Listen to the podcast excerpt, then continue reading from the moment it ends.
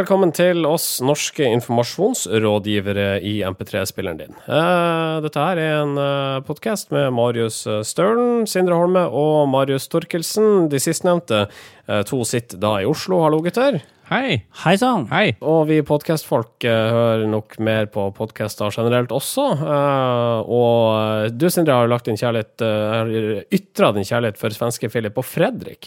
Uh, og de har nå bestemt seg for å gjøre sine sendinger på engelsk. Ja, det er helt riktig. Philip Hammar og Fredrik Vikingsson, det er jo Sverige, har vært Sveriges mest populære podkast. De har hatt eh, sånn ørlite grann flere lyttere enn oss, eh, og fylte jo Globen i, i, eh, med et liveshow i juni. Det er faktisk de som har De slo faktisk paven. Altså de flere, hadde flere tilskuere det paven hadde når han var på besøk i, i Stockholm en gang. Så nå har de han tenkt har at ikke har, Jeg føler at de har tatt en litt sånn Skavlan, da. Prøvd å gjøre ting Prøvd å Blitt litt sånn gigantomane og skal prøve å ta verden. Uh, vi får se åssen det går. Jeg har hørt litt på de nye episodene, og det er like rappkjefta som uh, før. Bare at, det er, bare det er litt sånn på svengelsk, da. Hello, uh, Philip. Hello, Fredrik. Ja, tjenere. Hello, Marius. Tjenere. Hei. Hi. Hi. Ja, hi. hi, guys. Um, Hi, Good guys. to be back. Vi holder oss i Sverige, for uh, Göran Persson, den uh, erfarne politikeren og tidligere statsministeren, lanseres nå som kandidat uh, til utenriksministerposten. Uh, det etter noen, noen år som PR-rådgiver. Ja, han har jo vært i JKL Group. Eh, som en av, eh, en av seniorene der eh, i, i Sverige. Og JKL er for så vidt også til stede i Norge og en del rekke andre land. Men nå skal altså han gå tilbake igjen til den lyse eller mørke siden, alt ettersom hvordan du ser det. Og og vi syns jo dette er verdt å, å pludre litt om, eh, fordi uh, dette kunne vel ikke skjedd i Norge. Uh, fordi, uh, fordi vi er jo skeptiske som folk til alle som jobber i PR-bransjen, og vi vil heller at de alltid skal være politikere, enn å måtte faktisk ha litt befatning med, med den virkelige verden en periode. Ja, det, den saken med at Gøran Persson kanskje blir en utenriksminister etter valget i Sverige, det er valg i høst, den viser jo hvor stor annerledes ordskiftet er i Sverige. Der snakker man ikke om PR-byråer som en trussel mot demokratiet og, og den type ting. Uh, det, er liksom, det er ikke en del av ordskiftet i det hele tatt. Uh, og jeg vil jo tro altså det, Man kan jo sant, Julie Brottkorp har gått fra JKL til å bli uh, rådgiver for Erna Solberg og sånn. Jeg tror man kan få et, en framtid i politikken etter å være PR-rådgiver. Men jeg tror det er en så fremskutt posisjon som utenriksminister, da, som er kanskje den viktigste ministerposten etter statsminister, det tror jeg ikke man får etter å ha vært eh, PR-rådgiver i Norge. Det stopper eh, på landbruksminister. Ja. Eh, og Anita Krohn Traaseth, som altså er ny sjef i Innovasjon Norge, starta karrieren sin der borte med en idédugnad. Hun vil at folk skal engasjere seg eh, og komme med forslag til hvordan Innovasjon Norge bør organisere seg, og eh, til hva som skal være fokus for selskapet. Ja, det stemmer det. Anita Krohn Traaseth eh, ble jo kjent eh, som bloggeren Tinteguri, som var en sånn topplederblogger eh, som var veldig markant eh, for en stund tilbake. At Innovasjon Norge, som jo har hatt et ganske dårlig omdømme, eh, får henne som leder, det ser jo mange frem til. For hun virker jo ganske sånn eh, fri- ja, spennende. eh, eh, person. Eh, så via Twitter så spurte jeg hva er de tre viktigste tingene, eh, fokusområdene for Innovasjon Norge, og fikk jo masse svar av, av folk da som følger henne på Twitter. Pluss at de har selvfølgelig en uh, oversnittlig interesse for Innovasjon Norge. Ja, jeg, jeg vil jo si at en, en av de viktigste fokusområdene er innovasjon. Norge. Ja, Norge heter det. Altså, den tredje er kanskje opp for grabs. Eh, den, kan man, den kan man definere litt sånn som man vil. Ja, eh, Det var right. satire, da. Ja. det, det skal med i standup-showet ditt senere. Ja, ja, ja. Ja, ja, ja. spennende. Spennende. Jeg er spent. Da har vi vel snakka oss eh, varm sånn innledningsvis føler jeg. og da gjenstår det bare for meg å si velkommen da til NIR episode 78. Velkommen. Norske informasjonsrådgivere. Uh, og vi starta på de digitale flatene. For Matthew Ingram han har gjort en slags analyse av Twitter eh, versus Facebook, uh, som presenteres på nettstedet Gigaom. Han konkluderer med at Facebook står langt tilbake for Twitter hva gjelder å spre nyheter. For mens sistnevnte den siste uka har vært dominert av skytetragedien i Missouri, der en 18-åring ble skutt og drept av en politimann, har Facebook vært prega av halvnakne kjendiser som heller isvann over seg. Dette er både et teknisk og sosialt problem, mener Ingram. Ja, jeg, jeg syns jo dette er uh Altså, en av blant de mer interessante liksom, analysene av liksom, Twitter mot Facebook og funksjonen det kan spille, da, eh, som jeg har lest på en stund. Eh, fordi eh, Poenget hans er det at Facebook eh, spesielt er jo bygd opp på en sånn måte at eh, den eh, viser innhold ikke kronologisk, men ut ifra hva den mener at du er interessert i. og også hva den mener at folk flest er interessert i. Sånn hvor mange likes ting får, hvor mange klikk man får på linker osv osv. Og, uh, og på sånn måte så, så, kan man jo si at Facebook er bare et resultat av sine brukere, og det du får opp i feeden, er det du fortjener å få opp i feeden fordi du agerer sånn som du gjør. Men det fører, fører til at uh, Facebook uh, blir dårligere og dårligere på å spre viktige nyheter kjapt. Det, det er kanskje allikevel litt sånn befriende å se at Twitter og Facebook er litt forskjellige også. fordi det er jo mange som ikke liker Twitter, og veldig mange som bruker Facebook. De, de forstår ikke Twitter, eller de de syns ikke det er interessant. Og mange av de som ikke syns det er interessant, er, er også folk som kanskje ikke er opptatt av politikk og eller liksom spre eh, nyheter, da. Eh, men mer opptatt av ja, artige videoer. eh, og, og, andre ting. Da. Og Du ser også på Facebook at det er jo ikke kronologisk. sånn at du, du får ikke den følelsen på Facebook at nå skjer det ting. Uh, den følelsen får du i mye større grad på Twitter. Men hvor, hvor ligger det sosiale problemet?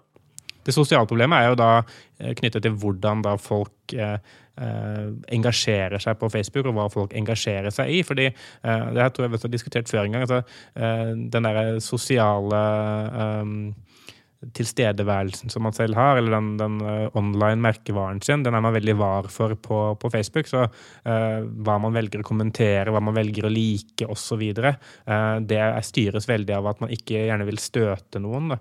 Og f.eks. hvis det er en sånn sak hvor en ung gutt blir drept av politi i USA, så er det en barriere for mange å skulle enten kommentere det eller like det eller dele det. fordi For det første er det ikke passende å like det, og hvis man kommenterer det, så begir man seg inn i en veldig sånn eh, en veldig potensielt sett viktig eller vanskelig debatt å ta.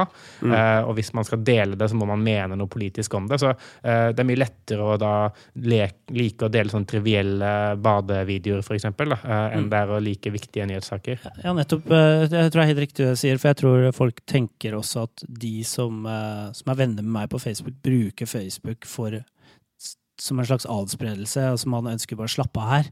Mens Twitter er litt mer sånn der kan man vise et eller annet politisk engasjement eller mene noe om noe eh, politisk i større grad. Og så er det noe med Twitter også, at det er så eh, forgjengelig. da. Altså, Du tvitrer en ting, eh, og så kan du, hvis du syns at den tweeten ikke var helt fornøyd med den tweeten, så kan du bare tvitre et par ganger til, så er det ingen som ser hva du har tvitra.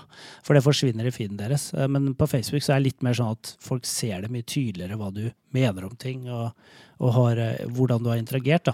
Matthew Ingram, eh, hva er hans eh, budskap her? Altså, Søker han ei endring i Facebooks algoritmer, eller konstaterer han bare at sånn er det?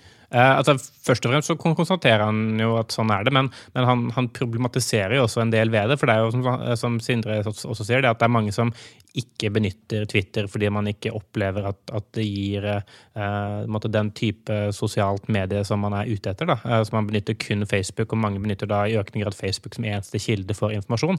Som betyr det at man går glipp av mye potensielt viktige ting, eller kanskje ikke får vite det før sånn tre dager etterpå, for da er det endelig plass i feeden din. på en måte. Det er kanskje der problemet ligger, heller enn at Facebook har den algoritmen de har. At folk rett og slett ikke gidder å lese nettaviser lenger. Jo, men, men, jeg tror også at mange forventer at Facebook gir et oppdatert nyhetsbilde, da. Men så er det jo vanskelig for Facebook å vite noe som helst om hvilke nyheter f.eks. jeg interesserer meg for, for det er svært sjelden jeg bruker Facebook som plattform til å lese nyheter. Ergo vet ikke Facebook en spøkk om uh, hva jeg leser uh, i uh, Aftenposten eller Dagbladet eller VG eller hvor nå enn. Ja, og det er viktig å si, at dette er ikke noe direkte kritikk av Facebook fra, fra Ingram.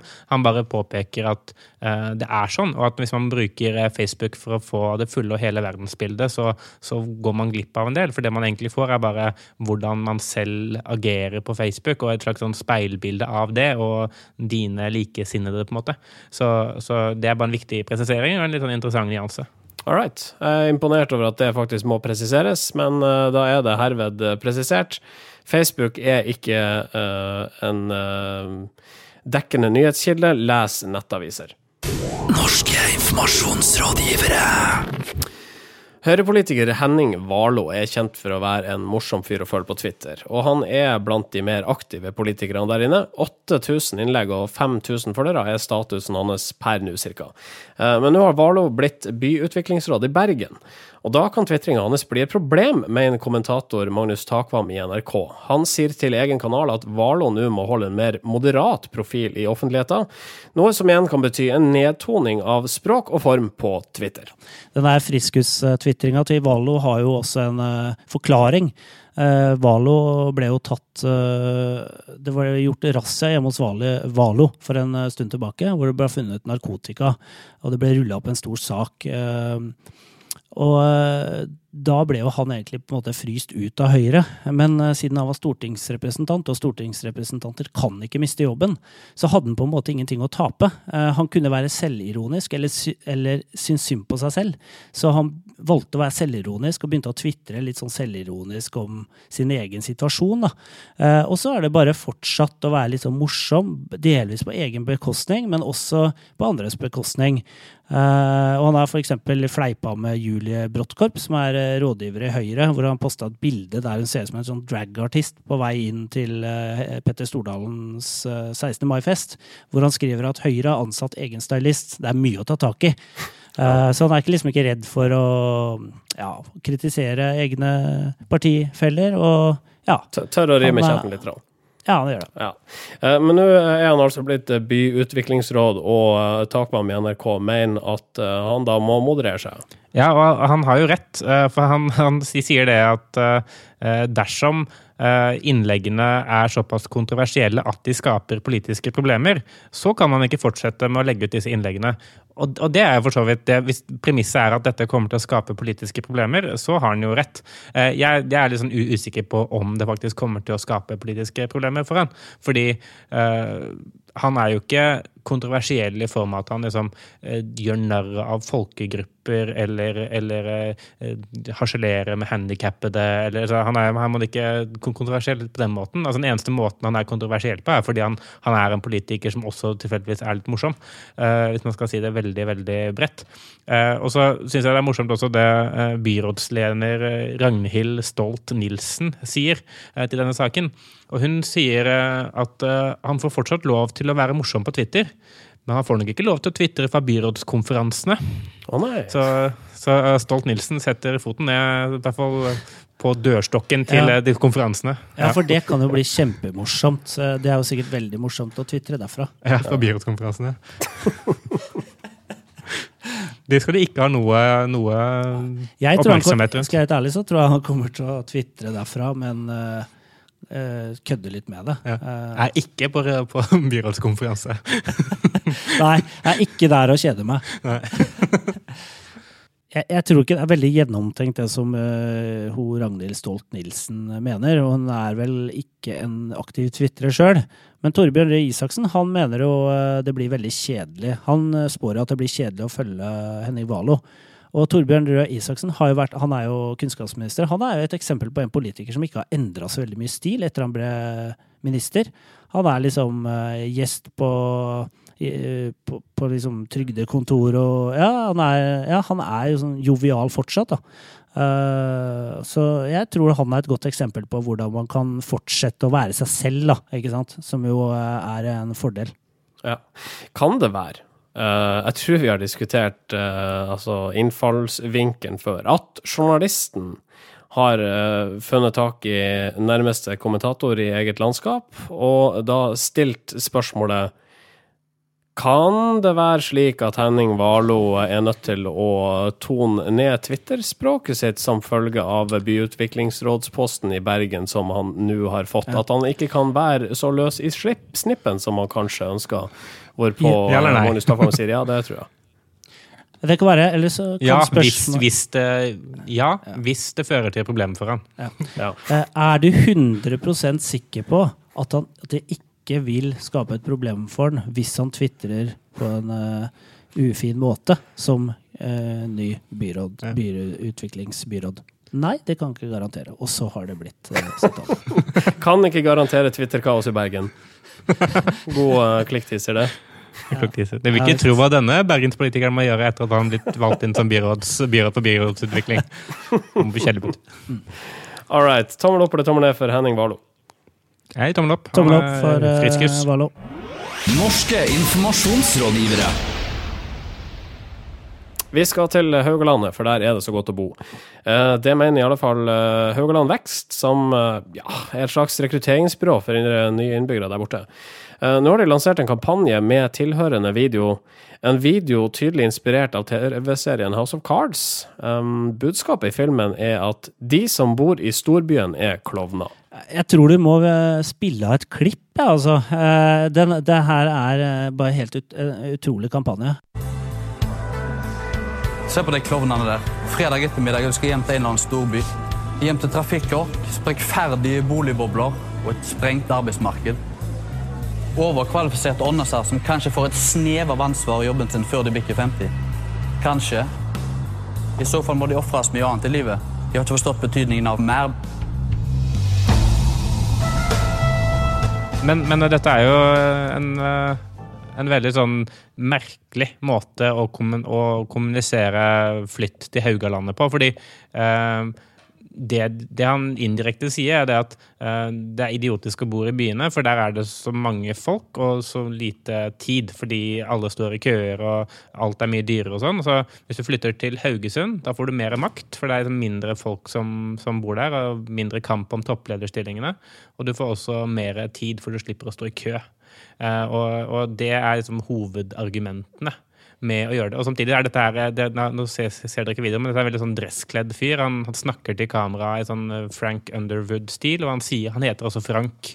eh, Kom, kommer det fram i løpet av filmen. Så de bruker denne House of Cards-metodikken for alt det er verdt. Et annet problem jeg ser her, det er jo det at hvis man skal rekruttere folk til å flytte til Haugalandet, så må de nødvendigvis flytte et sted ifra. Og de eh, prater om folk i større byer som overkvalifiserte åndåser, eh, hva nå det betyr. Eh, og så kan det være at det er kanskje disse åndåsene man ønsker skal flytte til Haugalandet.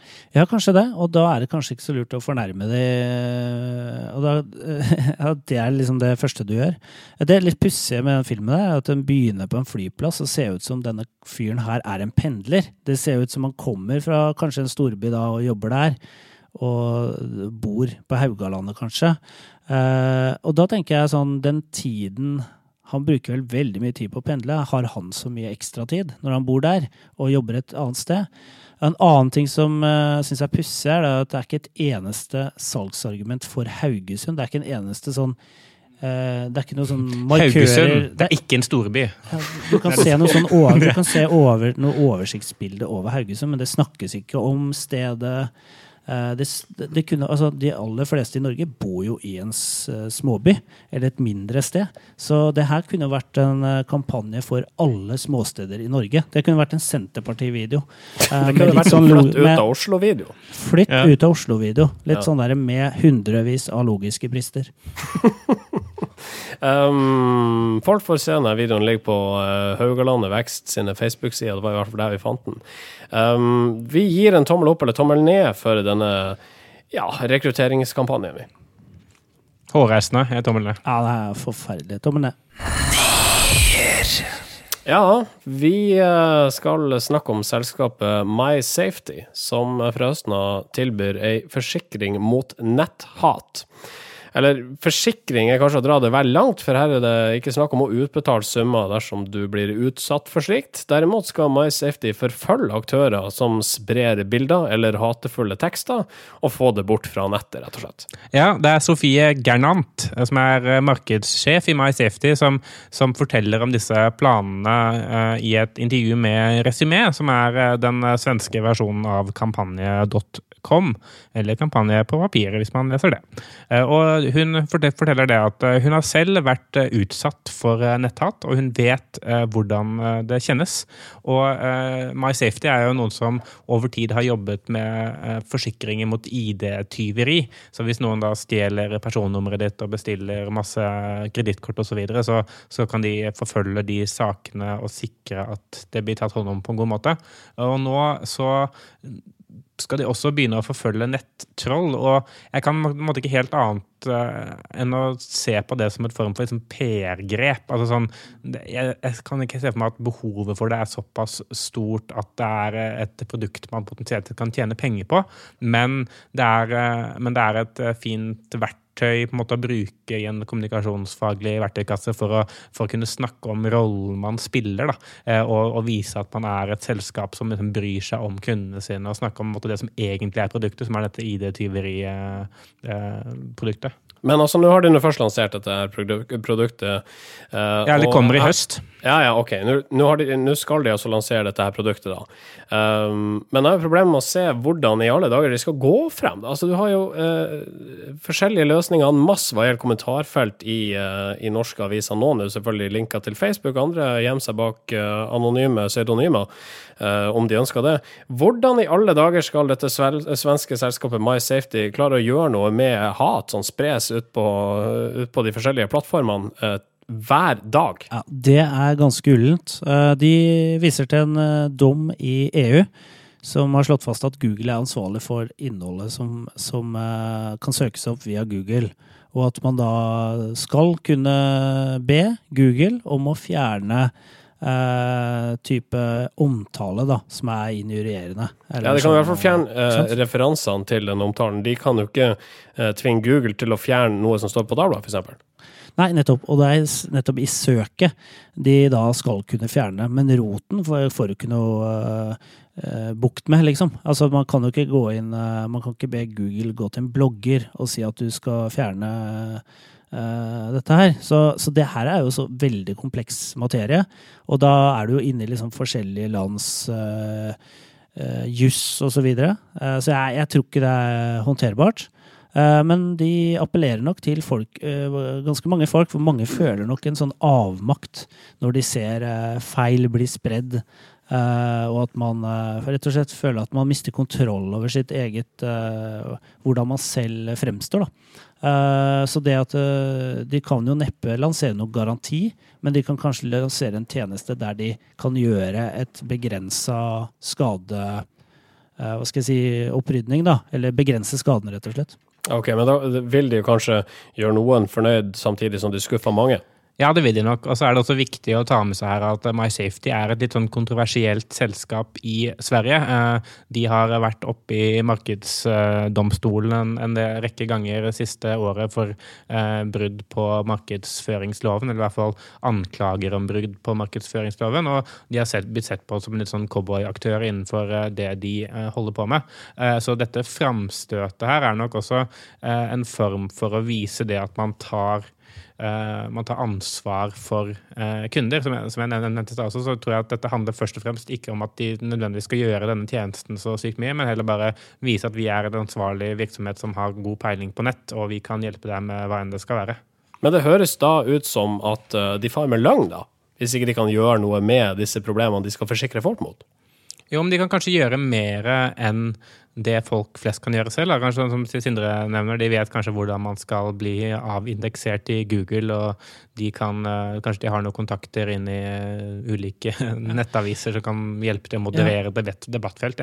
Som mm. Sindre sier, det er veldig ullent hva de faktisk skal gjøre, men, men bare det at, at, en sånn tjeneste får oppmerksomhet, eh, sier litt om som, hvor stort dette nettrollproblemet kanskje har blitt da, i, i eh, vår alles felles De, de, de prøver å vri dette her eh, til å være et IT-problem, på en måte. Altså Det er liksom eh, som om iProspect eller Karat eller Starcom skulle, skulle hjelpe deg med å, med å fjerne hat fra nettet, liksom. Det er, jo ikke, det er jo egentlig advokatmat, i den grad det er håndterlig for en advokat.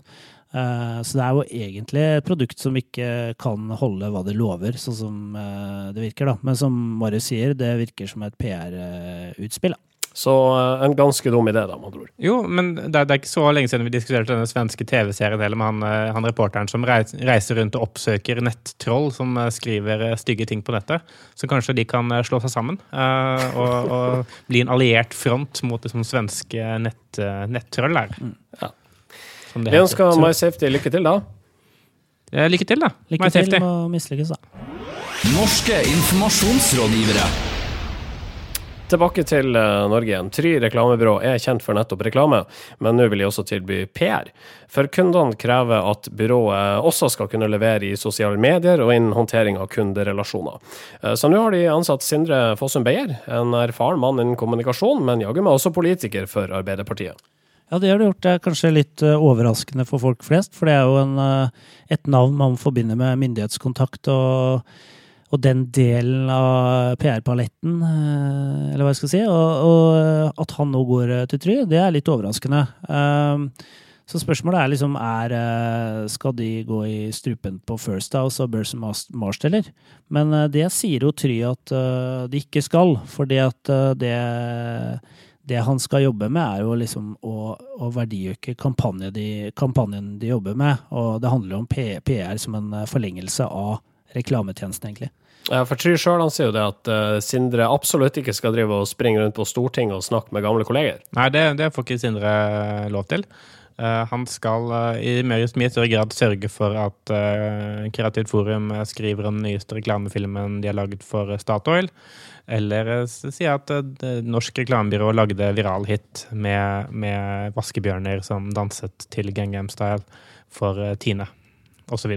Men det kan jo hende hans kompetanse som, altså som politiske kompetanse da, kan gjøre noe, en del eh, Kan føre til en, et nytt perspektiv på det kreative, f.eks. Nå jobber jo Try med en del sånn non-profit-selskaper, jobber med Amnesty annet, som, som er kanskje type institusjoner som har også behov for en sånn en sånn dimensjon da, inn i sine kampanjer. Så jeg tror at det har det for seg. Det interessante som Kjetil Try sier, det er jo at eh, at uh, han er glad for at uh, Eller glad, han uh, smiler litt av at PR-byråene får så mye tyn for tiden.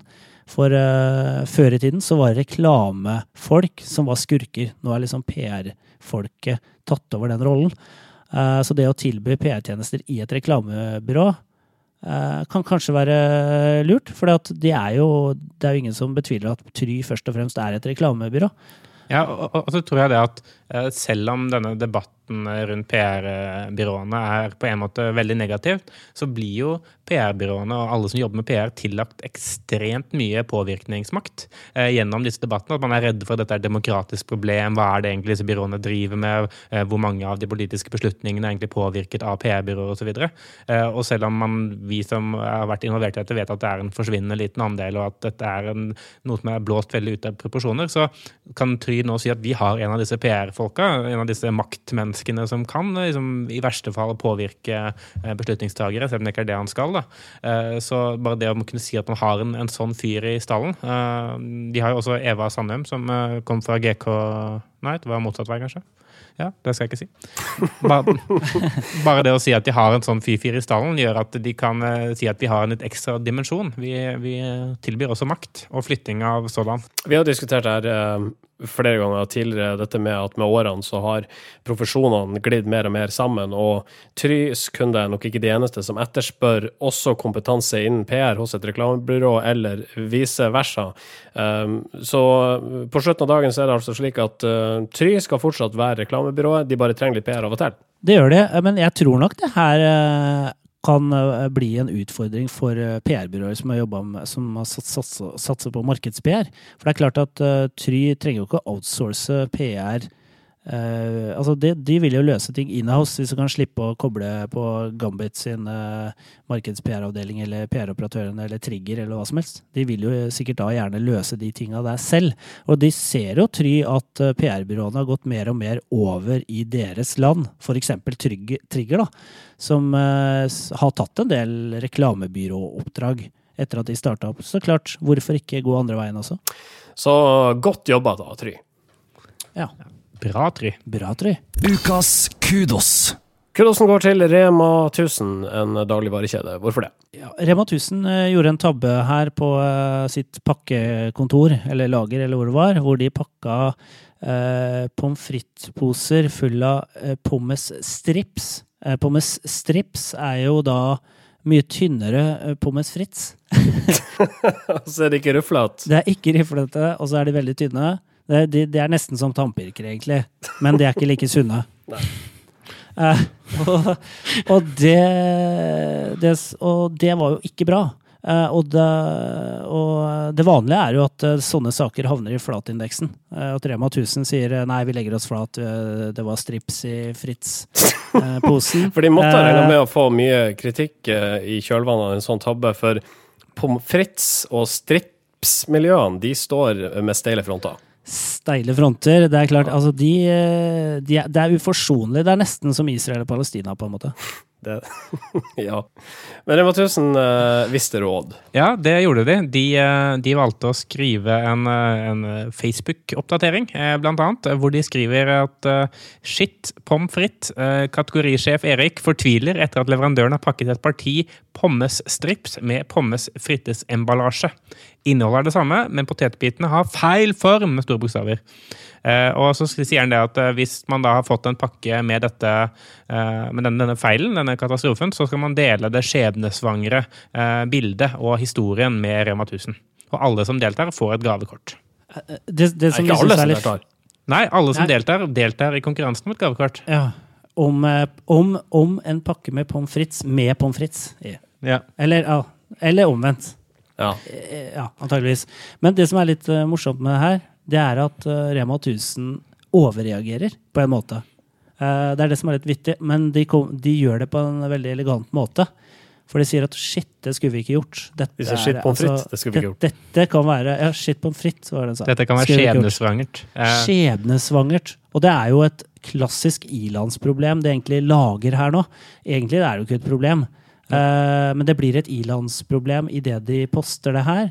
Og de bruker humor, så her garderer de seg egentlig mot eh, Ja. negativ omtale. Ja, for De tar måte brodden av det da, med, med å gjøre det morsomt. Alle skjønner jo egentlig at dette er ikke noe, dette er ikke noe viktig, men folk kan ha blitt litt irritert. Eh, og Jeg skal bare lese opp en, en oppdatering fra Karina Sesi, som har kommentert på dette. her, og Hun ble lykkelig over den oppdateringen. Hun sier ja! Jeg kjøpte en slik en for ca. en uke siden. Hadde dårlig tid da jeg laget middag, så jeg la ikke merke til det før jeg skulle snu disse i ovnen. Da hadde jeg kastet emballasjen, så mannen min fikk skyld for å ha kjøpt feil pommes. Han kunne ikke skjønne at han hadde kjøpt disse i stedet for riflet, men tok skylden. Unnskyld, mannen min. Så 15 likes. 15 likes, og Rema 1000 har nå eh, sørget for at det blir husro igjen i eh, hjemmet til eh, Karina Stesi og mannen hennes, og det, det fortjener kudos, det. Absolutt. Kudosen går altså til Rema 1000, som tar eh, selvkritikk, skitt pommes frites, for å ha pakka feilfritt i feil eh, pommes frites-pose. Ikke feilfritt der, altså. Det var stort sett eh, episode 78, det. Dette går med stormskritt mot episode 100. Ja. Å ja, det gjør det. Da skjer det spennende ting, men det kommer vi tilbake til. Um, ja. Facebook.com slash Nearcast er vår offisielle eh, side ut i eh, verden. Der legger vi av og til ut litt eh, snacks i form av statusoppdateringer, syrlige kommentarer til nyhetsbildet etc., etc. Alt etter dagsformen til moderatoren vår, som for øyeblikket er Mari Storkelsen. Um, vi har en e-post, nearcast at yahoo.com, uh, og ja. Og vi har en uh, sneglemail-postkasse. Marius Staulen, uh, Kjuttaviga 3, 50 80, eh, 80. Bodø. All right. Takk for i dag, da. Takk for i dag. Takk for i dag. Det var gøy å snakke med dere. Norske informasjonsrådgivere.